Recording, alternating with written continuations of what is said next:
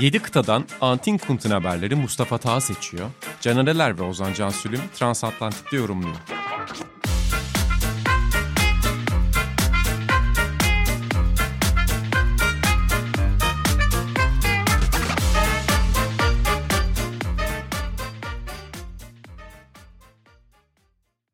Sokrates Podcast'a hoş geldiniz. Değerli dinleyenler, Transatlantik'le yeni bir seriyle karşınızdayız. Başlangıcı biraz olaylı oldu. İsmi biraz zor bulundu. Günü biraz zor bulundu ama e, Atlantik'in iki tarafında. Bir tarafta ben Ozan Sürüm, diğer tarafta Sokrates Podcast odasında Mustafa Taha ve Canereler ve tabii ki Sencer Yücel sizlere böyle 4 tane 5 tane Mustafa Taha tweet'i seçeceğiz. E, takipçileri biliyordur Mustafa Taha tweet'i nedir. E, bunlardan 4 tane seçip sizlerle paylaşacağız. Hoş geldiniz. Hoş bulduk. Taha Haber Ajansı özel seansıyla beraberiz Sülümcüm. Aslında o da olabilirdi mesela programın adı ama Transatlantik'te güzel oldu. Böyle daha iyi kodlu. Yani Aynen. Kodlu. AKA. Merak uyandırıcı. Aynen merak uyandırıcı. Şimdi ben burada tabii biraz Taha'nın açıklamasını istiyorum. Çok ufak bir giriş yapalım ilk program sonunda. Taha tweet'i nedir? Nasıl işler? Bunu kısaca bir anlatır mısınız? Ben hemen araya giriyorum. Bir tek Taha atabilir. İlk kural bu. Anayasanın ilk kuralı. Ta tweetlerini şöyle özetlememiz gerekiyor iki cümlede. Genellikle uluslararası basındaki antik kuntik küpürleri ya da haberleri takipçilerle paylaşmayı görev edinen bir tweet türü olarak özetleyebiliriz. Zaten programı dinleyince dinleyicilerimiz ta tweetlerin ne olduğunu çok rahat anlayacaklar. Hatta bu program sonrasında da benimseyeceklerini düşünüyorum. Daha önce benim tweetlerimi duymamış ya da okumamış olanlar. Çok kısa bir soru daha. Bu mesai kaçta başlar? Normal bir günde. 3.35-4 arası başlarım kahvemi yapıp ardından sabah 8'e kadar net gider bu iş. Güzel. O zaman ilk tweetle başlıyorum. Berlin Maratonu'nu 2.01.09 koşarak kendine ait dünya rekorunu 30 saniye geliştiren Eliud Kipchoge'un erkeklerde maraton rekoru bu 100 yılın başından itibaren 4 dakika 30 saniye gelişti. Ee, şimdi şöyle girmek lazım bence. Hani 4 dakika 30 saniye ne ki ya diyebilir hani dinleyenler hiç izlemeyenler varsa mesela. Fakat bir maratonda 4.30 geliştirmek, bir maratonu 2 saate bu kadar yaklaştırmak kısaca bir tabirle diyelim insanüstü bir şey.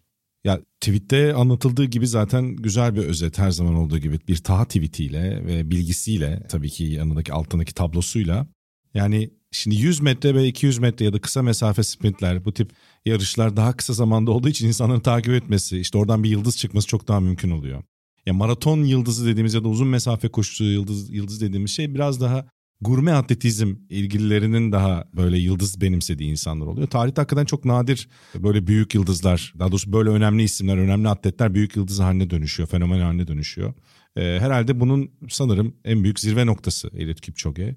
Yani daha önceden de zaten ta 2000'lerin başından beri yarışan, işte orta mesafesi, uzun mesafesi derken zaten o bir gelenektir. Maratona geçen ve orada artık başka bir seviyeye stratosfer seviyesine çıkaran maraton performansını. İşte geçen 2019'du değil mi? Yanlış hatırlamıyorum. 2 saatin altına deneme. Tabii o bir gayri resmi rekor. Yani 2 saatin altına inme o bir insan sınırlarını limitini zorlama meselesi aslında. Ama burada gerçek nizami kurallara uygun bir maraton parkurunda hem de Berlin gibi ki Berlin zaten maraton parkuru olarak rekorun kırılabildiği yer diyelim. Çünkü yükselti farkı startıyla finish arasında ve genel şehrin yapısı gereği sanki maraton için yaratılmış bir yer koşu için Berlin. E, Kipchoge de zaten 4 yıl sonra rekorunu burada geliştirdi. Yani şimdi insanlar hatırlarsınız hani Bolt kırarken nereye gidecek bu rekor? Bolt nereye kadar gidecek derken çocuğum son 10-15 metrelerde arada çok attığı için rekorun nereye gideceğini göremedik. Bir de son kariyerin sonunda sakatlandığı için ve kendine iyi bakmadığı için. Şimdi Kipchoge 37 yaşında nereye gider? Yani çok bunun altına indirebilir mi? Mevzu Kipchoge olunca da iddialı bir şey söyleyemiyorsun. Yani indirirse de hiç şaşırmam gerçekten. Yani 2 saatin altına demiyorum. Önce 2 saat 1 dakikanın altına inmesi lazım zaten de. Bir de burada şeyi de eklemek lazım hani bilmeyenler için o 2019'da 2 saatin altına inmesi özel şartlar hiç maraton şartlarının olmadığı özel seçilen bir grupla tavşan atletlerle vesaire e, koşulan bir şey. Hani daha önce koşmadı mı zaten 2 saatin altı diye düşünenler olabilir. Ben burada şeyi ekleyeyim e, ya biraz hani hayranlık yani idol mertebesinde takip ettiğim biri olduğu için hani nasıl antrenman yaptığından, ne kadar uyuduğuna, işte neler yediğinden, hayatını nasıl geçirdiğine kadar birçok şeyi görüp hani şey gibi düşünüyorum ben. Hani bir insan bir şey için yaratıldıysa hani o da en güzel örnek mesela Eliud Kipchoge ve maratondur. Yani bir insanın kendini bu kadar adaması ve bu kadar hani sadece e, maraton için sadece maraton süresini aşağı çekmek için yaşaması e, bana acayip bir adammışlık gibi geliyor ki yani zaten hani tarihin en büyük e, koşucuları arasında deniyordu. Galiba herkes artık tarihin en büyük koşucusu demeye başladı. Hani ben Zatopek hayranı olmama rağmen bunu da hani kabul edebilirim herhalde. Senin de dediğin gibi tarihin en büyük koşucusu olabilir. Hatta şu anda herkes büyük bir heyecanla Kipchoge'nin yarıştığı yarışlığı takip ediyor. Şunu söylemek gerekiyor. Berlin Maratonu Almanya'da ARD'den yayınlandı. Devlet televizyonu ve uluslararası yayın var. Fakat uluslararası yayın çok takıldığı için ve çoğu ülkede de yayını izlemeyenler olduğu için Twitter'dan Kenya televizyondan yayın paylaşıldı ve en son baktığımda 15 bin kişi Twitter'dan izliyordu. Sonra zaten YouTube'dan da aynı şey paylaşıldı. Yani baktığımızda aslında Kipchoge maratonu fenomen bir branşa da getirmiş durumda. Evet herkes maratonu izlemeyi, maratonu takip etmeyi seviyordu ama Kipchoge ile birlikte rekor kırılacak mı? İki saatin altına bir maraton, gerçek bir maratonda inilecek mi diye herkes merakla bekliyor, izliyor. Berlin Maratonu da zaten buna senin de dediğin gibi Ozan çok müsait bir parkur vardı. O yüzden de hani galiba artık hani Kipchoge uzun mesafe maratonu koşmayı bırakana kadar hani onun konuştuğu her maratonu dikkatlice takip edeceğiz gibi görünüyor. İşte zaten böyle idol sporcular da hani zaten nasıl diyeyim kendi sporlarını ayrı bir noktaya çekerler. Yani hani Kipchoge'nin de şu ana kadar yaptığı maratonu işte sprint olmayan bir branşı farklı bir mertebe çekmek gibi diyeyim. İsterseniz ikinci konuya geçeyim. Olur olur. Hemen tweet'e geçiyorum. Geçen ay kulübün en kıdemli iki sağlık görevlisini işten çıkaran Chelsea, Dave Grohl'un kişisel fizyoterapistiyle anlaştı. Foo Fighters'ın solistinin bacağını kırmasının ardından 6 ay boyunca Grohl ile çalışan Freddie Murray, Chelsea'nin sağlık danışmanı oldu. Yani böyle data işte vericiler efendime söyleyeyim fizyoterapistler, aşçılar bilmem neler kulüplere giriyordu. Taç antrenörü. E, fakat direkt olarak yani ha taç antrenörü vesaire hani artık çok farklı noktalardan özellikle Premier Lig takımları her türlü mümkün olan her türlü yardımı alıyorlar. Senin dediğin çok doğru Ozan. Artık hani farklı branşlarda hiç beklenmedik uzmanlardan yardım alınıyor ama bence şöyle başlamamız gerekiyor. Chelsea Roman Abramovich'ten e, Todd Bohley'e geçtikten sonra kulüp yönetimdeki tüm kişiliği yavaş yavaş değiştirmeye başladı. Örneğin Freddie Murray'nin geliş hikayesinde geçen ay kulübün sağlık direktörü Pablo e, Biasco ile fizyoterapist, baş fizyoterapist Thierry Loren'in ayrılmasının büyük rolü vardı. Hani baktığımızda gitgide yönetim açısından Red Bull'a özenen ve daha Anglo-Sakson kişiliğe getiren bir kulübe dönüşüyor Chelsea. Bunun özelinde de dediğin gibi bir İrlandalı Freddie Murray e, artık fizyoterapistlerin danışmanı oldu. E, 2015'te Stockholm'daki konserde bacağını kırmıştı yanlış hatırlamıyorsam. E, yanlışsa zaten Caner beni düzeltti. Dave Grohl.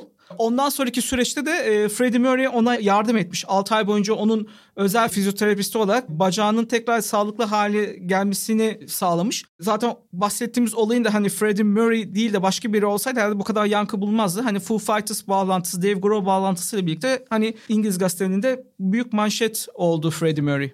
İsmi de güzel. Freddie Murray. Yani böyle rock şeyi gibi yani. Hani gitarist ismi gibi Freddie Murray ya da baterist. Acaba Dave Grohl öyle mi bulmuş ya? İrlandalı baterist. Ya şey bu aralar Dave Grohl'un kitabı çıktı. Türkçe çevirisi daha doğrusu. Ondan sonra Domingo yayınlarından. Onu okuyordum yani daha böyle 20. 30. sayfalara geldim. Bu haberi gösterdi. Şey biraz böyle tuhaf oldu yani hani o açıdan. Burada kişisel hemen hikayemi de devreye sokmuş oldum. Bir de geçenlerde biliyorsunuz Taylor Hawkins hayatını kaybetti. Foo Fighters'ın bateristi. Hatta onun anma konserinde oğlu çıktı. Çok duygusal anlar yaşandı. Müthiş bir an o da ya. Onun e, şarkısını yani en çok bilinen bateri solosuyla bilinen şarkısını çocuk orada çaldı. Böyle tüylerin diken diken oldu. Yani izlerken insan gözyaşını zor tutuyor. Foo Fighters bu kadar hani farklı anlardan hayatımıza ya da işte çok sevdiğim de bir grup zaten. Girerken Chelsea ile girmesi enteresan oldu benim için. Bir de Chelsea'nin bu sağlık çalışanı doktor meselesinde Mourinho zamanında kadın doktorla yaşadığı problemler de vardı değil mi e, Sülüm? Eva Carneiro. Değil mi? Carneiro'ydu adı. Eve Carneiro olması Ha, lazım. aynen, Sonra Eve hatta Carneiro. bayağı kavga edip şey yaptılar. Ayrıldım ayrıldı. Böyle garip bir duruma da girdiler. E, hatta popüler oldu yani kimse sadece hani bir kadın sağlık çalışanı olarak biliyordu. Sonra galiba bir hafta boyunca devamlı olarak manşetlerde yazdı. Zaten hani tabloid gazeteleri çok seviyordu. Hani o dönemki Jose Mourinho'nun Chelsea'deki çıldırmalarını. Hani ama şu anda e, muhtemelen nerede olduğunu şu anda hiçbirimiz hatırlamıyoruz, bilmiyoruz. Şimdi ben kayıttan sonra bakacağım ne yapıyor ama Chelsea'de zaman zaman böyle ilginç olaylarda yaşanıyor. Hani Freddie Mercury de galiba yeni dönemin ilginç anekdotlarından biri oldu şimdiden. O zaman geçtim üçüncü konumuza. Malum Dünya Kupası da geliyor. Mutlaka biriktirecek olanlar vardır. Ya da Katar 2022'yi protesto edip hiçbir şey yapmayacak olanlar vardır ama Arjantin'de yaşanan tedarik sorunu üzerinden Panini Dünya Kupası çıkartma albümünün futbol kültüründeki yeri ve önemini anlatan bir yazı diye paylaşmış Mustafa Ta. Tweetinden e, New York Times'taki o makaleye gidebilirsiniz. Ufak bir özet geçmek olursa yani çok uzun süredir peso yani Arjantin pesosunda ciddi bir problem var. Artık biz de kendimizi yakınsayabiliriz bu duruma.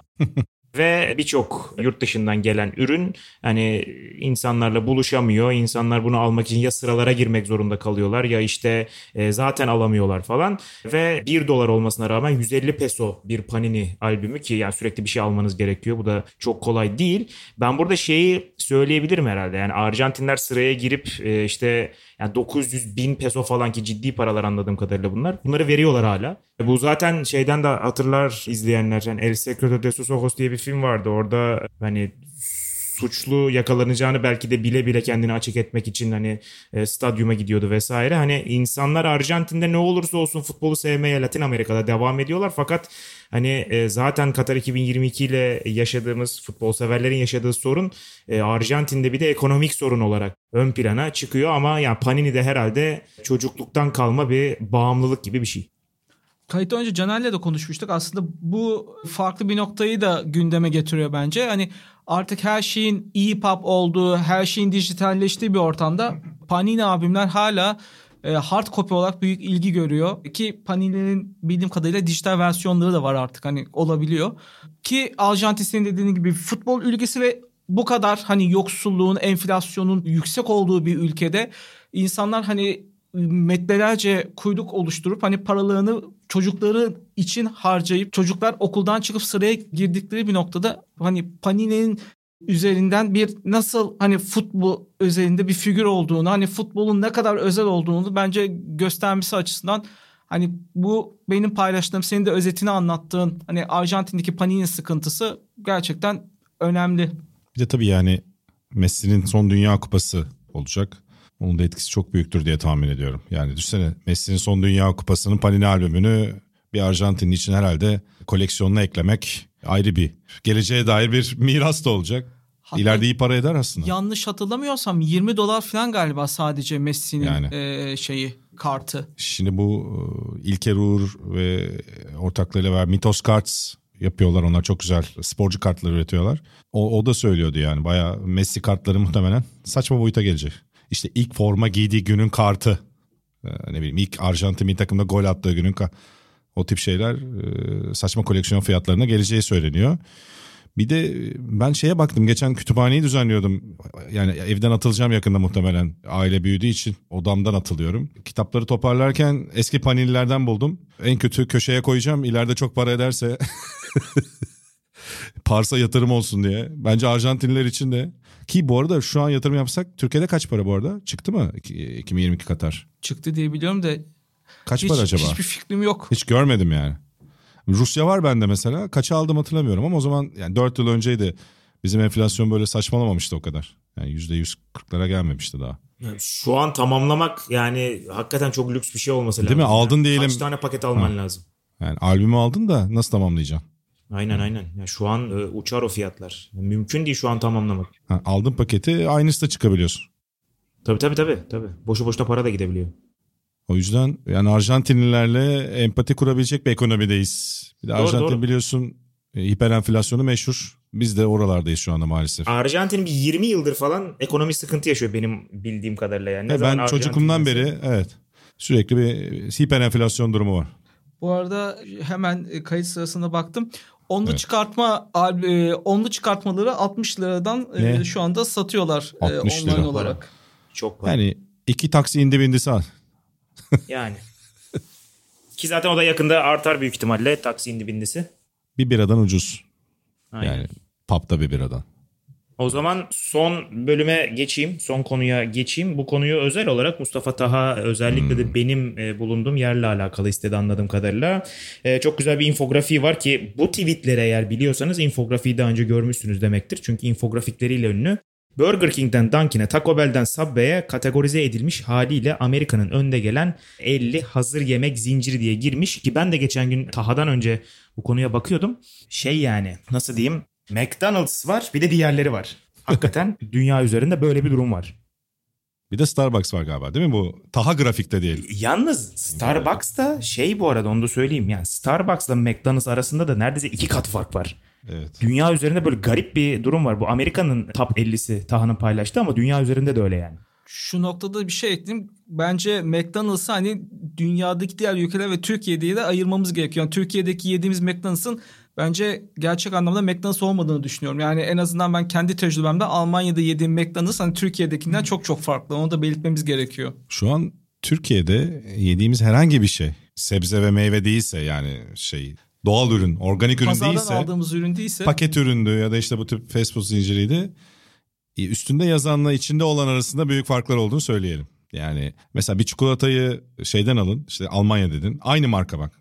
Al e, muhteviyatına bak ingredients'a büyük fark görürsün oranlarda. Biz şu an resmen kendi şeyimizce yönetimimizce zehirleniyoruz ya. Gelecek nesillere yediğimiz her şeyde gıda şeyi felaket durumda. Geçen gördüm Big Mac menü 90 lira mı ne olmuş? Yani Big Mac menü dediğin şey ne bileyim böyle ben şey hatırlıyorum. Yurt dışına bir yere Aç, gittiğimde aç mesela- kalmamak için ha, ha. Ulan akşam hani e, yiyecek yer bulamadık. Bütçem de kalmadı. Gideyim şu McDonald's'tan bir şey alayım Aynen. olması lazımken 90 lira falan. Ya burada mesela neredeyse işte yarım şey, ekmek döner gibiydi yani. Tabii de yani burada söyleyeyim hani şey Capital One Arena'ya çok yakınım ben burada. İşte Washington Wizards'ın Vay şeyi, vay vay. e, stadı. Onun altında McDonald's var ve şey yani 24 Biz de Ayhan Şahink'e yakınız. nadir nadir şeylerden bir tanesi McDonald'slardan bir tanesi 24 saat açık olan ve hani düşük gelire sahip insanların akşam hani yemek yemek için geldiği yer. Hakikaten şey klasik muhabbeti vardır ya orada çok fakirlerin yemeğiymiş bu falan diye. E, hakikaten de öyle ama e, şeyde lükse dönüşmüş ya inanılmaz bir şey. Yani Türkiye'de lükse dönüşmüş. Şey bu bizim çocukluğumuzda hani İstanbul'da Fridays geldiğinde olay olmuştu. Lüks restoran gibi. İşte gitmek zor, pahalı falan. Böyle tikilerin mekanıydı şeyde 90'larda falan. Amerika'ya gittiğimde sonra görmüştüm. Yani McDonald's'la aynı Fridays. Yani şey olarak gidilen fast food restoranlardan biri. Zincir her yerde var. Bakkal gibi. Ben şeyi hatırlıyorum 1988'de üst komşunun kızının doğum günüydü. Ee, onlar da biraz şey yani sonradan görmeyi demeyeyim de hani biraz e, yaşamlarının son kısmında para kazanmışlardı. Taha Ee, baltası geldi. Buradan dinliyorlarsa Ee, çok sevdiğimiz insanlar bu arada şey yapmayayım şimdi de kötü kötülemiş anlamda konuşmayayım sadece e, doğum gününde menü olarak e, McDonald's sipariş verilmişti ve herkes e, hayatında ilk kez anladığım kadarıyla McDonald's yediği için hani 1 2 3 ben hatırlıyorum galiba 4 tane falan yemiştim böyle. Aa ne güzel bir şey. Tabii 1988'den bahsediyorum. O zaman hani bu kadar çok hamburger kültürü yoktu e, biz çocukken en azından. Şimdi geldiğimiz noktada baktığımızda hani McDonald's'ın 90 lira olduğu ama çok kötü olduğu ki okuduğum makalelerden birinde Amerika'da Burger King'de hani bizim buradaki McDonald's muamelesi görmeye başlamış artık. Hatta Taco Bell bile geçmiş Burger King'i ki şu anda galiba CEO değiştirmiş Burger King ve para harcayacakmış. İlk etapta 500 milyon Abi dolar. Burger King yok. Biz baktık burada Burger King yok. Yani çok dikkatimi çekti işte bu senin şeyden tweetten sonra baktım hani neresi var hakikaten falan. Washington'da Burger King yok. Yani McDonald's yazınca böyle 150 bin tane Koca şey çıkıyor. Burger başkentte. King kesinlikle yok. Aynen. Aynı şey aynı şey diyeceğim. Münih'te de yoktu. Yani baktım Münih'te McDonald's görüyordum. Burger King var mı? Hani şehrin 7 kilometre falan dışındaydı galiba gördüğüm tek Burger King. Ben şey işte 2012 için NBA finalleri için Amerika'ya gittiğimde Dallas'ta ilk çok acıkmıştım. Yani ne in and out bulabildim ne işte şey Kaan abiyle daha buluşamamıştık yani havalimanında şey. Five Guys falan yok. Carl's Jr. yok. Gittim McDonald's yedim. Çünkü gittim Amerika McDonald's yemek istemiyorum. Yani daha iyi hamburgercilerde yemek istiyorum. Abi çok iyiydi. yani dedim bu bizim Türkiye'deki McDonald's değil ya falan oldum. Böyle. Bir de burada bak listede altta mavilerde Panera var. Benim favorilerimden. Ha, Panera Bagel'lar evet. efsanedir. Eğer gitmediysen Washington'da varsa Var var Kaçırma. ya çok var. bayılıyorum Panera'ya ben. Bir de Einstein's Bros var. O da bagelcı. Bulursan oralarda kaçırma. Doğu yakasında var diye biliyorum fazla bir şey yok zaten ya. Bagel'dan başka bir şey yok neredeyse. Sabahları iki kez kahvaltı etmene neden oluyordu o zaman. Öyle değil. Abi bagel güzel bir şey ama şimdi şey yapmayalım. Hani simidimiz açmamız evet ama bagel da güzel bir şey. Güzel. o zaman ekleyeceğiniz bir şey yoksa yavaştan transatlantik gemimizi şimdilik batıralım. Haftaya çıkarırız. Iceberg'e geldik. Aynen iceberg'e geldik. Dediğimiz gibi her hafta bunu yapmaya çalışacağız. Hatta yani kabul etmez zannetmiyorum ama şöyle de bir şey var deyip istek yapıp Mustafa Tağ'a yollarsanız Mustafa Tağ bunu kabul ederse onu kesin konuşuruz. Çünkü hiç zannetmiyorum öyle bir şey olacağını. Bir de şu da olabilir. Taha'nın tweetlerini, Taha'nın seçmediklerini siz seçebilirsiniz. Takip ediyorsanız. Ha mesela. Hani ya şu mesela. tweet'i niye konuşmadınız diyebilirsiniz. Önerebilirsiniz. He, O da mesela. var. O da var. Önerilere açığız her zaman. Evet, Bazen günde öyle 153 böyle- tweet attığı için kaçırabilir kendisi. Aynen. Siz bize böyle hafta sonu, pazartesi falan abi şunu da konuşun derseniz eğer herhangi birimize biz onları not alır, dörtlüye sokarız diyeyim. O zaman ağzınıza sağlık deyip kapatayım. Elbette. Tabii ki. Hoşçakalın. Görüşürüz.